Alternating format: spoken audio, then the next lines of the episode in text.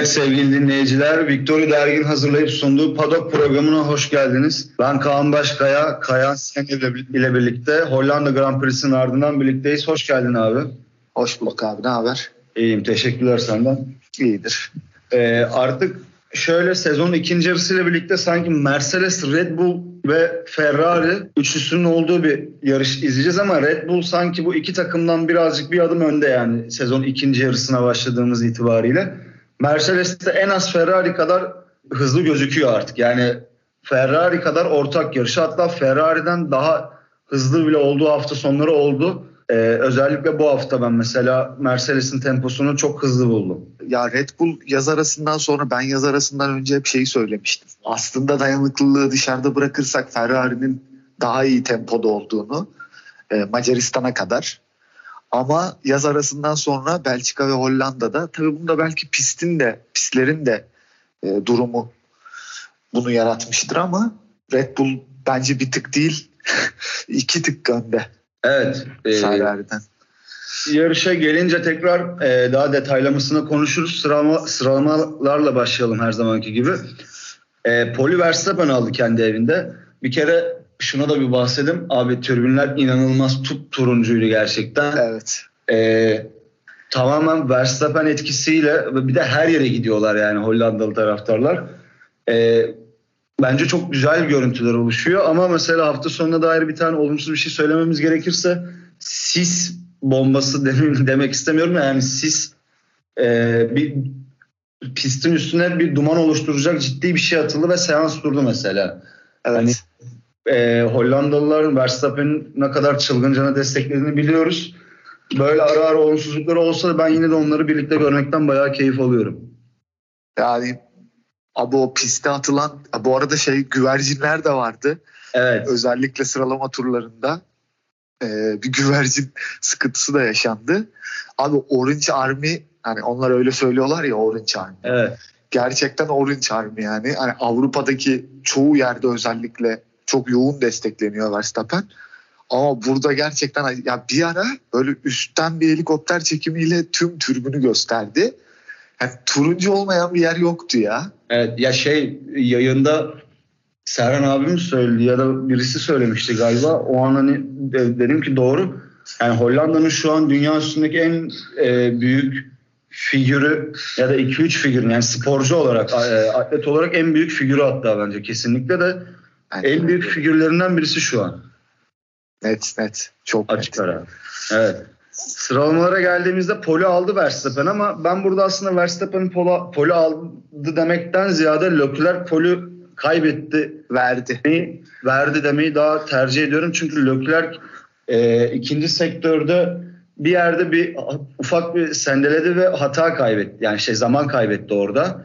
Ve o ikinci sektördeki yaptığı hata çok ufak bu sene e, en az farklı alınan pol pozisyonu oldu. Yani saniyenin binde 21'i saniye kadar fark oluştu. Hatta onu hesaplamışlar.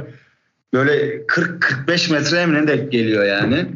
Ve polü vermiş oldu Leclerc. Ya ben Leclerc'in almasını bekliyordum zaten. Ben de öyle bekliyordum. Durum da onu gösteriyordu zaten. E, hatayı yapmasa alacaktı ama sonuç olarak oluyor bunlar yani. Yapıyorlar bir şekilde. E, hatayı yaptı Verstappen aldı. E, Sainz çok o tempoda değildi. Çok ee, aslında Sainz de çok ufak bir farkla kaybetti. Yani o da saniyenin evet, 91 ama, farkla mı ne? Yok şu manada dedim ben. Hani hiçbir zaman yani böyle çok evet favori ya da favorilerden biri. Evet, değil. biri konu, ya belki değil. tabii ki akıllarda her zaman şey var ya. Lökler'in hep daha iyi, tek turda çok iyi olduğu ya evet. dolayı aynı araca da bindikleri için hep Lökler bir adım önde olduğu için bizim belki algımızda da öyle olabilir. Öyle Perez de hata yaptı. Evet. Perez'in hatası hatta Mercedes'lere birazcık pahalıya patladı. Son zaman turlarını çok sağlıklı bir şekilde tamamlayamadılar yani. Russell ayağımı direkt gazdan çektim dedi. Hamilton da aynı şekilde. Yani pole ne kadar yakın olur. Pol biraz zor olabilirdi ama ilk çizgiyi kesinlikle zorlardık diyor da yani ilk çizgiyi zorlaması demek zaten poli zorlaması demek. Binde 21 saniye farkla. Ya Toto Wolff, Toto Wolff alacaktı gibi bir şey söylemiş. Evet ortak ee, dedi. Ya ben verilere baktım orada. O kısma baktım. Çok alabileceğini düşünmüyorum. Ee, yaklaşık 0.1 0.2 geride geliyormuş. Ama tabii ki belli olmaz bilmiyorum yani belki de alabilirdi de yani ilk, ilk belki ilk ikiye girerdi gerçekten ilk çizgiye. Yani en azından belki Lökler'in yaptığı hatadan sonra Lökler'i geçebilirdi. İkinci sırayı alabilirdi ama Poli alabileceğini çok zannetmiyorum ama ortaklardı evet. Hani e, etkiledi Perez'in yaptığı hatada onları. Evet. Ve Mercedes'in bütün sezon boyunca aslında zayıf olduğu sıralama turları. Cumartesi temposunun e, yani Mercedes zaten son 2-3 haftadır yani 2-3 yarıştır e, fazlasıyla yukarıya ortak olacağını gösterdi gelecek için. Ama sıralama temposunda da bu hafta çok düşürlerdi. Yani pole dedikleri gibi gerçekten ortaklardı ki bu sezon Mercedes'in sıralamalarda ne kadar sıkıntı çektiğini biliyoruz hepimiz geçmiş yarışlara baktığımızda. Evet. Norris 7. oldu. Bu pist McLaren'e uygun bir pistti zaten. Yani e, hep söylediğimiz şey tekrar geliyoruz. Hani McLaren bazı pistlerde var, bazı pistlerde hiç. Bu var oldukları pistlerden birisiydi ve geri kalanların en iyi en iyisi olmayı başardı Norris. E, Q3'e hiç beklenmeyen, geçmesi beklenmeyen bir Haas varken Schumi e, 8. sıraya aldı. E, evet, ee, çok çok iyi bir cumartesi geçirdi. Evet onun için de iyi bir sonuç oldu. Çünkü sıralama turlarında mesela Magnussen'in bayağı gerisinde yani o e, bir hani kaç yarış oldu sanırsam 15 yarış oldu ve yani ciddi bir farklı Magnussen'in üstünlüğü var. 9. sırada Sunoda ve 10. sırada Stroll. Benim sıralama turlarına dair en üzüldüğüm şey Sebastian Vettel oldu abi. Çünkü Aston Martin'in Q3, Q3'e çıkacak temposu vardı ve Vettel e, Q3 Q1'de yaptığı hatayla 19. sırada elendi maalesef. Evet. Yani zaten e, Cuma gününden itibaren herkes onu söylüyordu. Aston Martin'in Q3'e kalacak temposu var. Nitekim Stroll de kaldı zaten. E, Vettel'in kalması bekleniyordu.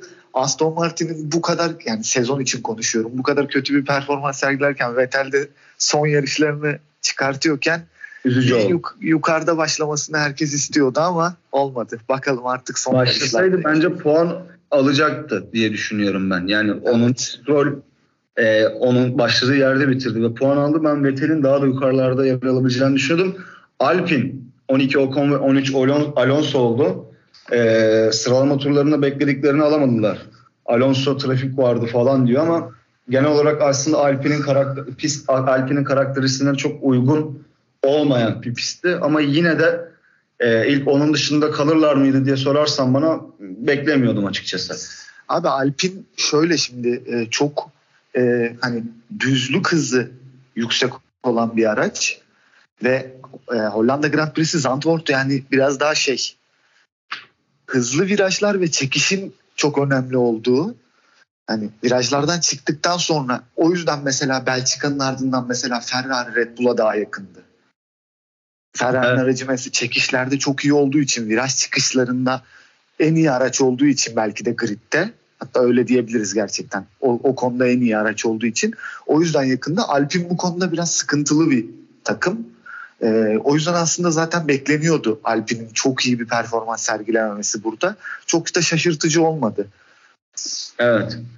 Ee, yarışa geçtiğimizde yarışta Red Bull ve Ferrari'ler soft'la başlarken e, Mercedesler medium'la başlamayı tercih etti. Burada e, tahminler ikisi iki pit olacağı üzerineydi. Ancak yarış ilerledikçe Mercedes'in tek pite yöneleceği çok belli oldu zaten. Yani denenecek mi acaba diye. E, startta hatta startta Norris Russell'ı geçti mesela. Yani birazcık startın vermiş olduğu kaosla da geçmiş oldu. Ama Russell hemen çok kısa sürede e, sırasını geri aldı. Bu mesela farklı stratejiler deneyeceklerinin zaten bir göstergesiydi. E, yarış ilerledikçe de aslında ben zevkli bir yarış izleyeceğimizi düşündüm. Ta ki güvenlik araçlarına kadar. E, bir kere şöyle yine sıralamaya göre gidelim yarış içerisinde. E, 15. turda Sainz pite girdi. e, ve hani ya işte mesela hep aynı şeyi söylüyorum gibi oluyor ama abi gerçekten öyle yani daha ne kadar şaşırtabilirler diyorum. Ya mesela ben diyorum yani biz gitsek daha işe. Ben lastik unutmam abi mesela. Ya bunu garanti ediyorum. abi lastik unutmazsın abi. Yani gerçi ben videoyu tekrar tekrar izledim. Orada bir tane dördüncü bir lastik geliyor. Ama arabanın önündeyken, aracın önündeyken lastiği getiren adam duruyor. Yani ya yanlış lastik getiriyorlar ya da lastiği unutuyorlar. İkisinden ya. birisi. Abi Ama şöyle şimdi yani, bak. Acınası bir hal abi. Bu yani ya vallahi sen ben gitsek unutmayız lastik abi. Ne yapacaksın? Nasıl lastik unutabilirsin ya? Ya şimdi şöyle söyleyeyim ben bak Science Pit'e girdiğinde işte pit hani uzadı. İşte izliyoruz. Ee, ben şöyle bir şey o anda Perez de girdi. Hatırlıyorsun ben Perez'in pitlerde geçeceğine adım kadar emindim. Ya Ama ona, yani böyle ona şey... herkes emindi. Şöyle bir şey oldu. Hani Perez bijon tabancasının üstünden geçti ya.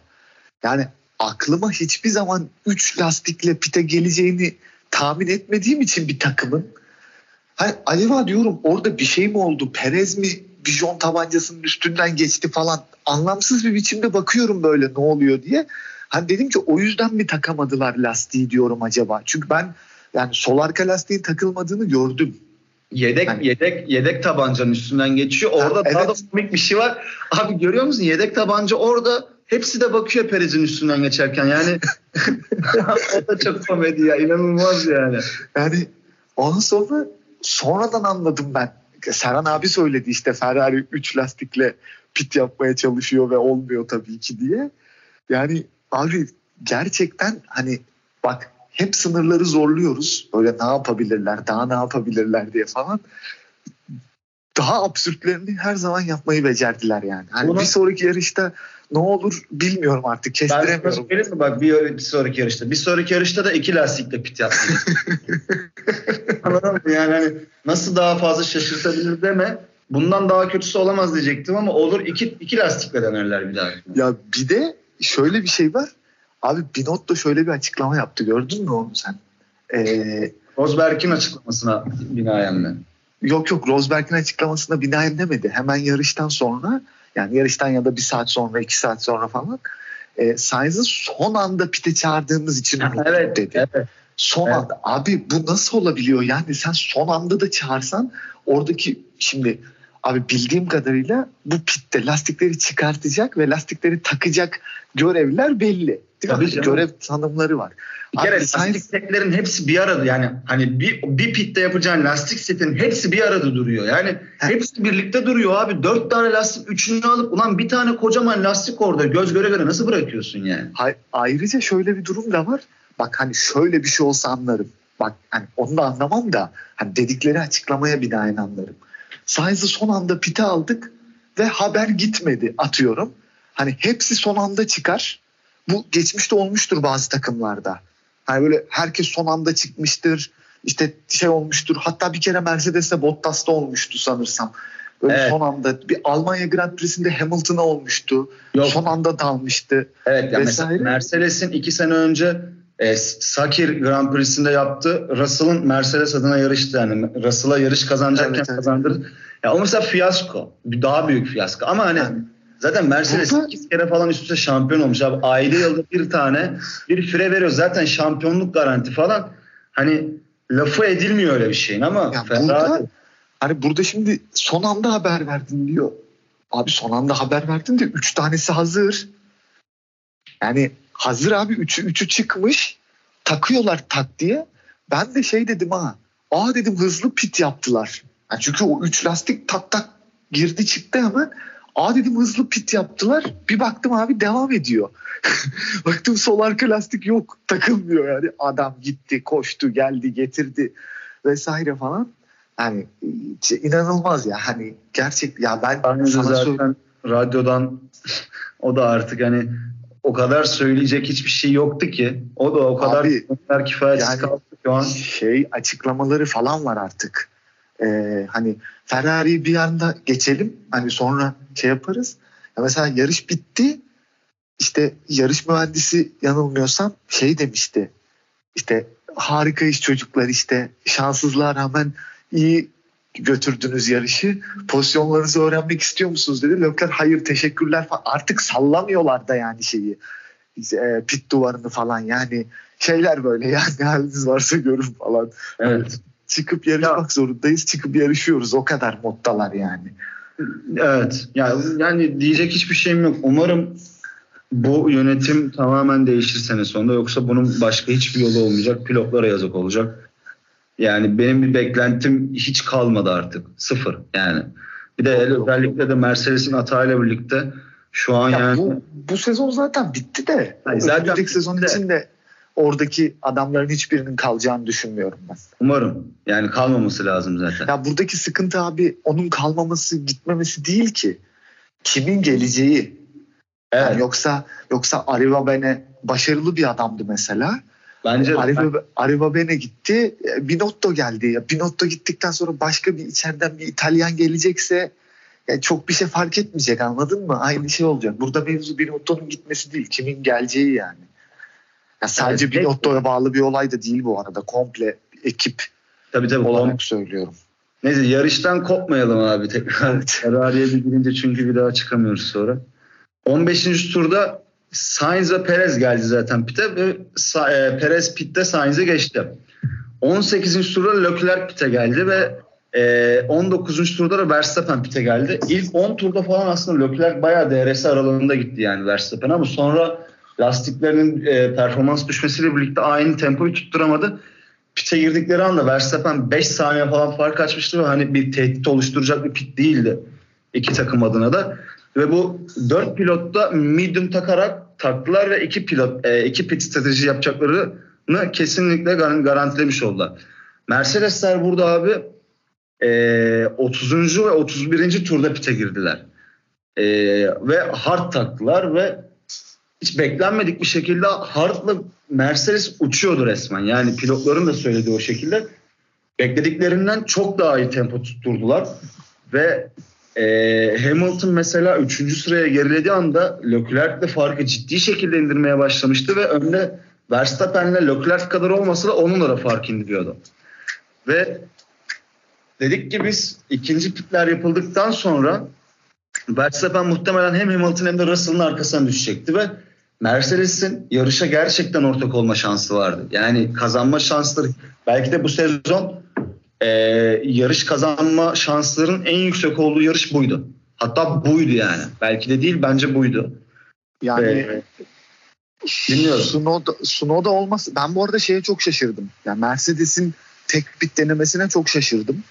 Onu söyleyeyim baştan. Evet. Hani medium'la başlasalar dahi yani tek pit yapacağını çok beklemiyordum. Ben de Çünkü- bekledim. Pirelli'nin şeylerine artık hiç güvenmediğimiz için lastik stratejilerine o yüzden hani hiç beklemiyordum tek pit. Özellikle Mercedes'in yapacağını hiç beklemiyordum. Hani belki mesela Red Bull başlasaydı medium'la veya Ferrari, Ferrari'nin klasik hard denemeleri olduğu için e, hani onlardan bekleyebilirdim ama Mercedes'ten hiç beklemiyordum. Çok şaşırdım ama ayrıca daha çok şaşırdığım şey o tempo oldu. Evet tempoları çok yüksekti Mercedes ama risk alacaklarını söylüyorlar. Toto Wolff yani yarış gününün sabahında risk alacağız diye bir açıklama yapmıştı. Bu bir göstergeydi ama ben de iki pit olarak yani tek pit beklemiyordum ama e, güvenlik araçları çıkmasaydı yarışın sonunda geçen senenin benzerine bir Hamilton, Verstappen, Mercedes Red Bull kapışması izleyebilirdik. Ya bence Evet. şöyle Hı hı. şey, senle de konuşmuştuk yarıştan sonra. Russell'ın da arka, e, eğer Tsunoda kenara çekmeseydi, orada hiç güvenlik aracı girmeseydi Red Bull ve Verstappen normal pitini yapacağı için, Mercedes'te yapmayacağı için Verstappen onların gerisinde çıkacaktı. Evet. Ve Russell'ın gerisinde çıkacaktı. Russell'ı geçme durumuna göre yani Hamilton'ı geçemeyebilirdi. Yani kesin tabii ki diyemeyiz. Bir lastik avantajı olacaktı ama Evet. Hamilton'ın yarışı kazanma ihtimali gerçekten vardı yani. Vardı. Ve yani e, hani sezon başında e, bazı geçişler gördük Red Bull'dan Mercedes'e. Hani bu yapılacak olan savunmalar mesela yarışın sonunda yarış kazanmak için yapılacak olan savunmalar olduğu için e, biraz daha vakit kaybetmeye de daha sert bir savunma e, savunma yapmalarını bekleyebilirdik Mercedes'ten ama zaten güvenlik aracı olduğu için hiçbir zaman böyle bir senaryo gerçekleşmedi. 40, 47. turda abi. Yani bu çok tartışılır tabii ki de sosyal medyadan, medyadan falan işte bir sürü senaryolar yazıldı. Ya ben böyle bir şeyin pek olduğunu düşünmüyorum çünkü Red Bull zaten baskın bir araçtı. Ya yok abi onlar şey diyorsun değil mi? Bilerek soktular Sunoda'yı Evet. işte Alfa Tauri'na. Yani Red Bull'un buna ihtiyacı yok abi. ihtiyacı yok bence de. Ha, şöyle bir şey vardı gerçekten. Ee, Mercedes'in yarışı kazanma ihtimali var mıydı? Bence gerçekçi bir şekilde vardı. Ee, O kesinlikle vardı. Az önce de söyledim. Vardı o. Ya bu gerçi bilmiyorum. Yani ben böyle bir şey olduğunu düşünmüyorum ama Formula 1 dünyasında geçmişte neler gördüğümüzü biliyoruz. O yüzden hiçbir zaman asla asla da dememek lazım ama ben, ben şahsen böyle bir şey olduğunu düşünmüyorum. Ee, 47. turda 40 yok özür dilerim 46. turda Sunoda pit yaptıktan sonra lastiklerin takılmadığını söyledi ve sonra pite geldi. Lastiklerin takıldığı gayet normal bir şekilde olduğu anlaşıldı. Pitten çıktıktan sonra direkt arıza yaşadı abi. Ve sanal güvenlik aracıyla birlikte Verstappen ikinci pitte yapacağı ve Mercedes'in arkasına düşeceği piti bedavaya getirdi. Ve bu şekilde e, önde kaldı. Ama 48. turla birlikte Hamilton ve Russell da hard takmışken e, onlar da medium lastiğe döndüler. Ama yani aradaki farklar hiç ne açıldı ne de kapandığı için e, aslında bu birazcık yarışın heyecanını o noktada kaçırdı. Yani yarış bitti dedik biz daha bu noktadan sonra artık bir şey olmayacak.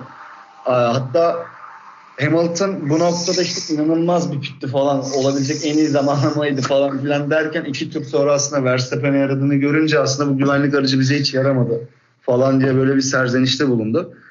Sonra ben de yani o noktada dedim ki yarış bitti abi 55. turda tekrar Bottas'ın tam start çizgisinin orada e, aracı sağa çekmesiyle bu sefer gerçekten bir güvenlik aracı girdi ve e, burada olaylar birazcık karıştı. Verstappen pist üstü pozisyonunu bırakmasına rağmen soft'a girdi abi. Yani pitte soft lastiği taktılar ve pist üstü pozisyonunu Mercedes'e bıraktı. Mercedesler burada hiçbir e, deneme yapmadılar.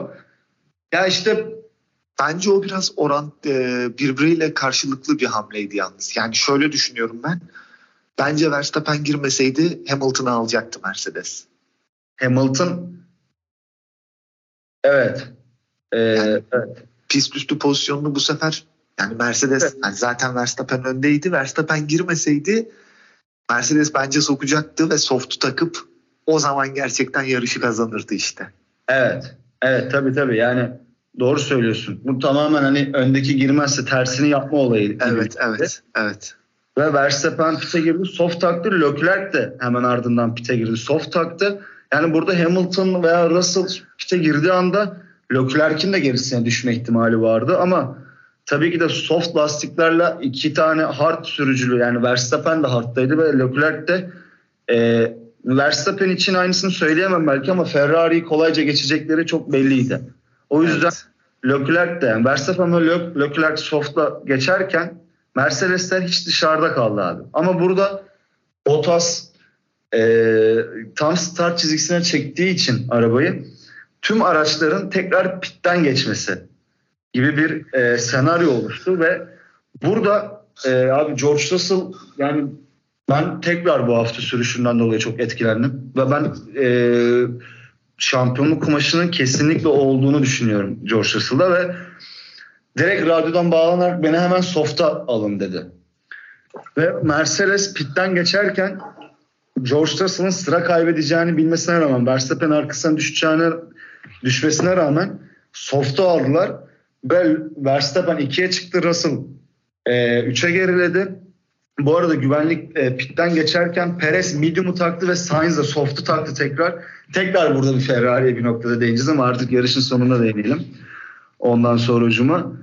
Ee, ve burada mesela işte Leclerc'in İngiltere'de yaşadığı olayın aynısını şu an şey Hollanda'da e, Hamilton yaşadı ve medium lastiklerle aslında 3 tane soft olan e, sürücüye karşı savunmasız bir şekilde bırakıldı.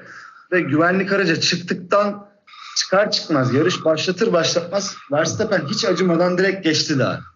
Evet. Çok belliydi yani bu bunun olacağı. Sonrasında bir tur iki tur sonra Russell sondan bir tur sonra falan da Leclerc geçti. Ve ilk üç bu şekilde sıralandı. Hamilton o ara mesela radyoda e, görmüşsündür sen de inanılmaz kızgındı takıma. Bayağı sinirlendi. Beni bu şekilde bıraktınız falan filan diye. Zaten açıklamasında da yani arkamda 3 tane soft olduğunu öğrenince o anda yapılacak hiçbir şey e, yapacak hiçbir şeyin olmadığını biliyordum diye açıklama yaptı. Ve yarış bu şekilde sonlandı. Benim için şaşırtıcı olan durumlardan artık yarışın sonuna geldiğimiz için hani söyleyebilirim. Ben Red Bull'un temposunun e, arttığını yani ya da Ferrari'nin yavaşladı mı Mercedes mi hızlandı bilmiyorum ama aynı lastiklerleyken Ferrari mesela hiç Mercedes'e yaklaşamıyor. Yani 5 saniye aradaki fark 5 saniye olarak kalıyor. Yani normalde hani sezon başına baktığımızda Ferrari belki en hızlı araçtı. Ama Mercedes'in geldiği noktada e, en az Ferrari kadar hızlılar dediğim gibi. Abi bu her zaman şöyle oldu. Ya bu geçmişte de yani son özellikle 5-6 senede hep e, gelişim noktasında özellikle yaz arasında yaz arasına yakın yaz arası sonrasında hep Ferrari geriledi.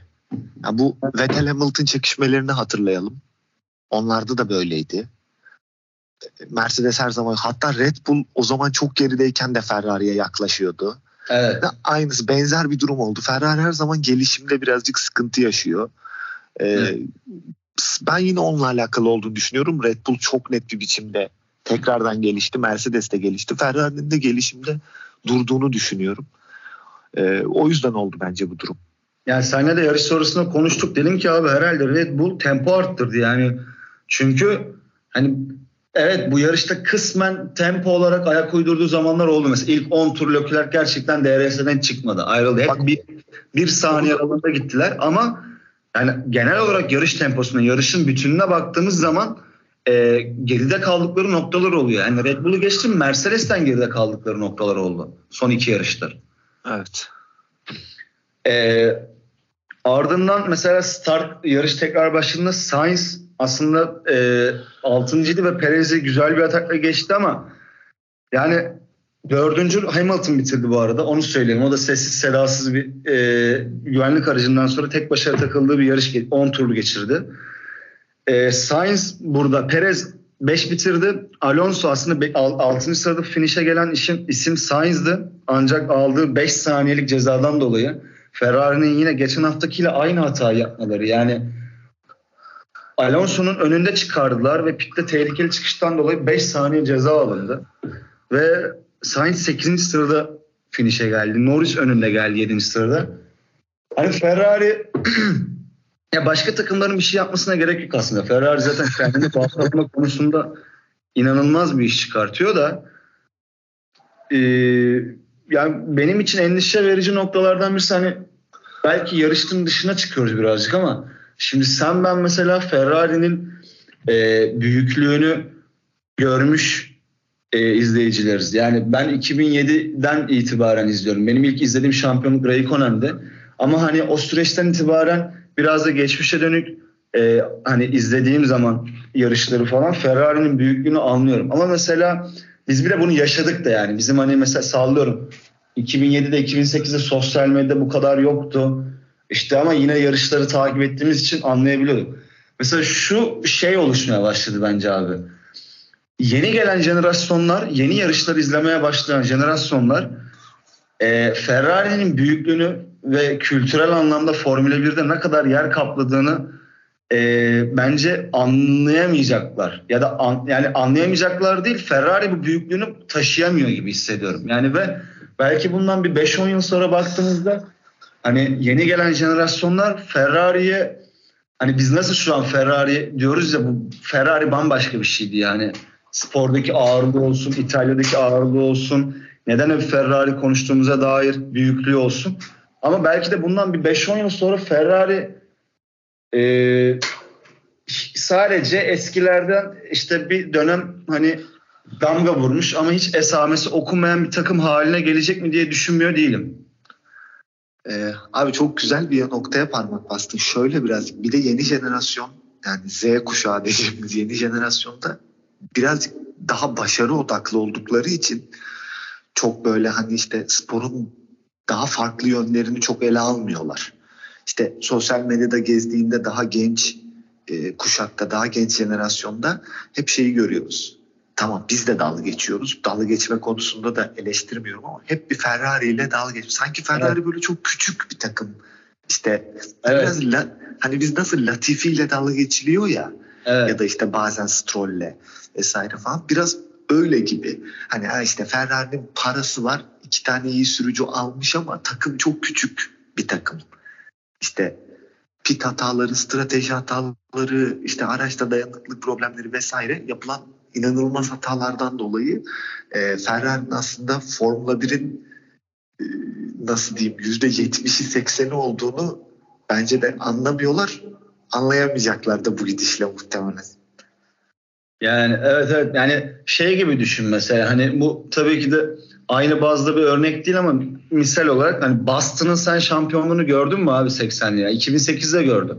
Ama 82 83'ten sonra şampiyonluğu yok. Ve ben ilk NBA'yi izlediğimde hani birazcık Boston'ın çok büyüklüğünü o kadar da algılamamıştım. Yani sonradan tabii biraz algıladım. Geçmişi tarihine baktığımda falan kapladığı yeri ama ilk izlediğim zaman hani Lakers'tı benim için en büyük ama sonra bir bakıyorsun aslında Boston hani şampiyonluk en başarılı takım yine Lakers ama şampiyonluk sayısında falan halbuki Boston'ın geçmişine bakıyorsun. Yani Lakers'tan falan daha fazla şampiyonluğu vardı.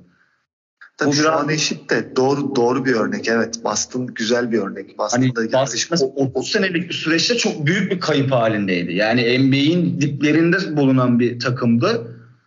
Hani ve Ferrari'nin de hani yeni gelen jenerasyon mesela bilmiyorum yani bu benim bak görüş açım. Tabii Ferrari bunu düşünmüyorsa benim yapabileceğim hiçbir şey yok da hani Ferrari'nin büyüklüğünü düşününce kendi kültürel varlıklarını ve büyüklüklerini ne kadar tehlikeye artık, attıkları artık bu başarısızlıklarla ciddi bir soru işareti ve sorgulanacak da bence gelecekte bu, bu şekilde giderlerse. Abi Ferrari'nin büyüklüğünü şöyle açıklayalım. Yani Formula 1'de bir karar alınıyor. Ferrari hayır dediği zaman hayır oluyor. Evet, yani. veto hakkı olan tek takım mesela yani gerçekten. yani evet. o, o, bir kere şey bir, bir herhangi bir olayda biz çekiliriz diyorlar. Yani biz çekiliriz demeleri yetiyor zaten. Hemen o kural rafa kaldırılıyor ya da onların istediği gibi oluyor ya da onların istediği şekli şemali alıyor o kural yani. Evet yani, yani dünya tarihinde şu an dünyanın hepsine baksak geneline bir sporda e, bir organizasyonun kapladığı yer açısından bakarsak Ferrari'nin Formula 1'de kapladığı yer açısından başka hiçbir organizasyonla örnek gösteremeyiz hani.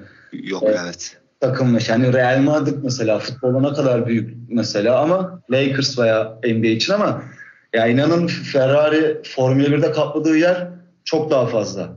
Yani ağırlığı çok daha başka bir takım Ferrari'de. Yani şu halini görünce işte Instagram'da capslere konu oluyorlar. Evet. yani. Ee, Ocon Alonso 13. sırada başladı. Yarışı 6. bitirdi. Ondan sonracımı ve e, 7 Norris 8 Sainz dedik 9 Ocon. Alpinler yine burada puan aldı. Yarış temposu fena değildi. Stroll 10. olarak son puanı kaptı. Ee, Sıralama özür dilerim. Evet pilotlar sıralamasına gelirsek yavaş yavaş artık Verstappen zaten ikincilik için e, özür dilerim şampiyonluğu açık ara alacak muhtemelen. Yani ben Amerika'da falan e, şampiyonluğunu ilan etmesini bekliyorum. Aslında bundan sonrası için yeni bir challenge olarak bakarsak Verstappen şu an bir sezonda en çok yarış kazanma rekoruna ortak olmak için 3 yarış daha kazanması lazım. 4 yarış kazanınca egal edecek bu rekoru. Şunu ve e, Vettel'e ait rekoru. Artık hani sezonun geri kalanı için onun içinki ödev bu olsa gerek. Yani e, açıklamalarda ben kesin artık şampiyonun bir açıklamalar yapmıyorlar ama bence onlar da biliyor ki artık burada şamp buradan sonra şampiyonluğu kaybetmeleri imkansız. İkinci ben, ben şöyle söyleyeyim abi Verstappen bütün yarışlarda puan kaybetse Ferrari o kadar puan toplayamayabilir. Evet ya zaten 4 tane DNF'si olsa yine lider. Öyle evet. düşün. Leclerc ve Perez 201 puanla ikincilik için savaşıyorlar. George Russell 188 puanla dördüncü. Sainz 175 puan 5 ve altıncı e, Sir Lewis Hamilton 158 puanla. Burada e, ben artık Sainz'ın yani şu tempoya baktığım zaman Mercedes'lerin önünde bitirmesini zor görüyorum Sainz'ın. Bence Leclerc Perez 2-3 bitirir. Bence de Mercedesleri ben de Sainz'a göre daha önde buluyorum. Bu arada senle de şu iddiamızı unutmayalım. Yani iddia dedik hani e, karşılıklı birbirimize argümanlar sunmuştuk. Sen Mercedes'in ikinci yarıda tempo ile birlikte yarış kazanamayacağını savunmuştun. Evet. Ben de kazanabilme ihtimallerini savunmuştum. Mercedes ufak ufak geliyor. Hatırlatırım sana bunu da. Tamam ilerleyen yarışlarda konuşuruz. Ya kazanamayabilir ama sen hani tempo olarak oraya gelemeyeceklerini düşünüyordun. Ben tempo olarak kazanabileceklerini düşünüyordum. Gelebileceklerini ve ciddi bir şekilde de geldiklerini görüyoruz. Ya Kaan tempo mempo karıştırma şimdi. Ben kazanamazlar dedim. Bakacağız. Tamam göreceğiz. Ben bunu sene sonunu dile getireceğim sana eğer kazanırsam. Tamam. Kazanmazsam zaten hiç dile bile getirmem. Moderatör benim. 7. sırada 82 puanla Lando Norris var. O da burada yine e, önemli puanlar aldı 7. bitirerek. Ocon 66 puanla 8 ve Alonso 59 puanla 9. Alonso sene başındaki farkı yavaş yavaş eritmeye başladı abi.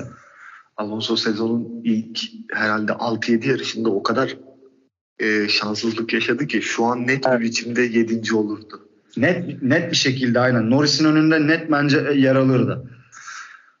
Son 10 puandır ya da 11 10, 10 yarıştır veya 11 yarıştır sürekli olarak puan alıyor bu arada Alonso. Yani ama ilk 3 yarış ve 4 yarışta yaşadığı şanssızlıklar acayip saçmaydı. Ee, takımlar klasmanına baktığımızda Ferrari ile Mercedes arasında 30 puan fark var. 376'ya 346. Ee, yani çok çekişmeli geçeceğini düşünüyorum ben. Hani o kadar öyle Mercedes alacak gidecek diyemiyorum ama e, 50-50'ler bence bundan sonra benim için. 55'e 45 Ferrari yine. Şimdi biraz da şeyi düşünmek lazım. Kalan pistlerde e, bazı bir iki pist Ferrari'ye çok uygun. Özellikle Singapur, e, biraz Japonya. O yüzden ben yine Ferrari'yi bir yarım adım önde görüyorum. Yani 50-50 demem ama e, tabii ki bu arada Mercedes de olabilir. Yani bu tempoyu arttırabilirlerse, devam ettirirlerse olabilir. Ben hatta ben değiştiriyorum ya. Ben Mercedes'i önde görüyorum abi. Abi yani ben yok ya 3 lastikle pit yapıyor, e, yapanlara eşit şans vermek istemiyorum. Ben Mercedes'e saygısızlık etmek de istemiyorum. Ben Mercedes'i önde görüyorum abi. Tamam bu bakış açısına bir şey diyemem. Alpine 125 puanla e, McLaren arasındaki farkı 24'e çıkardı. 101 puanla McLaren ve kalan yarışlara baktığımızda Alpine'in bence ben artık bu savaşta e, bir, bir, iki gömlek falan üstte görüyorum. Yani bir ben, iki ben, görüyorum. Net olarak. Aynı şekilde. Ve geri kalan sıralama olduğu gibi Alfa Romeo, Haas, Alfa Tauri, Aston Martin ve Williams olarak şekillendi. Ee, gelecek yarışlara baktığımızda Monza yarışı var e, bu hafta. Yani Monza ile ilgili zaten hani e, çok fazla da bir şey söylemeye gerek yok. Motor gücünün çok önemli olduğu bir pist. Mercedes'in düzlüklerde nispeten Ferrari ve Red Bull'a göre biraz daha yavaş olacağını düşünürsek e, yani gerçi bilemiyorum. Son zamanlarda tempo artışı da fazla fazlasıyla var Mercedes'te ama Red Bull'un net bir net bir şekilde favori oldu Verstappen'in üzerin özelinde. Ee, bir yarış bekliyoruz yine. Bir de Alpinler, Alpinlerin de ben bu pistte tabii ki de hani düzlük hızını ele aldığımızda ön gruba çok fazla da yaklaşamasalar da net bir şekilde geri kalanların en iyi olmasını bekliyorum. Ee, Perez son yarışlarda özellikle ilk 3-4 yarıştan sonraki yaptığı hataları vesaire yapmazsa net bir duble bekliyorum ben. Evet. Red, Bull, Red Bull'dan. Ferrari burada dediğin gibi bence tabii ki belli olmaz Mercedes performansını arttırdı ama Ferrari 3-4 olabilir. Tabii ki onlar yine bir şey yapacaklardır. Belki biri geriye düşer. Şeye de katılıyorum. Alpin sürpriz bir dördüncülük, beşincilik alabilir. Yani evet e, güvenlik aracı veya hani dediğimiz gibi belki de sürpriz bir şekilde yani tempo olarak önlerde 4 veya 5 olmasını beklemiyorum. Ama ufak bir sürprizle birlikte yukarıda yer bulabilirler kendileri. Yok ben şundan dolayı dedim. Monza'da her zaman ön taraftan birileri yarış dışı kalabilir biraz. Ee, özellikle startı biraz kaotik olduğu için Monza'nın. Evet, evet. Ee, ilk ilk viraj, es viraj. Ee, o yüzden ama Alpin yani takvimin en uzun düzlüklerinin olduğu pist. Ee, o yüzden çok hızlı bir pist. Alpin'i şanslı görüyorum ben de burada. Evet. Bu yarışta e, Hollanda Grand Prix'sini değerlendirdik abi. Mercedes'e ve Verstappen'e değinmiş olduk. E, bu hafta sonra bu haftadan sonra Monza Grand Prix'sinden İtalya'dan sonra görüşmek dileğiyle. Hoşçakalın. Hoşçakalın.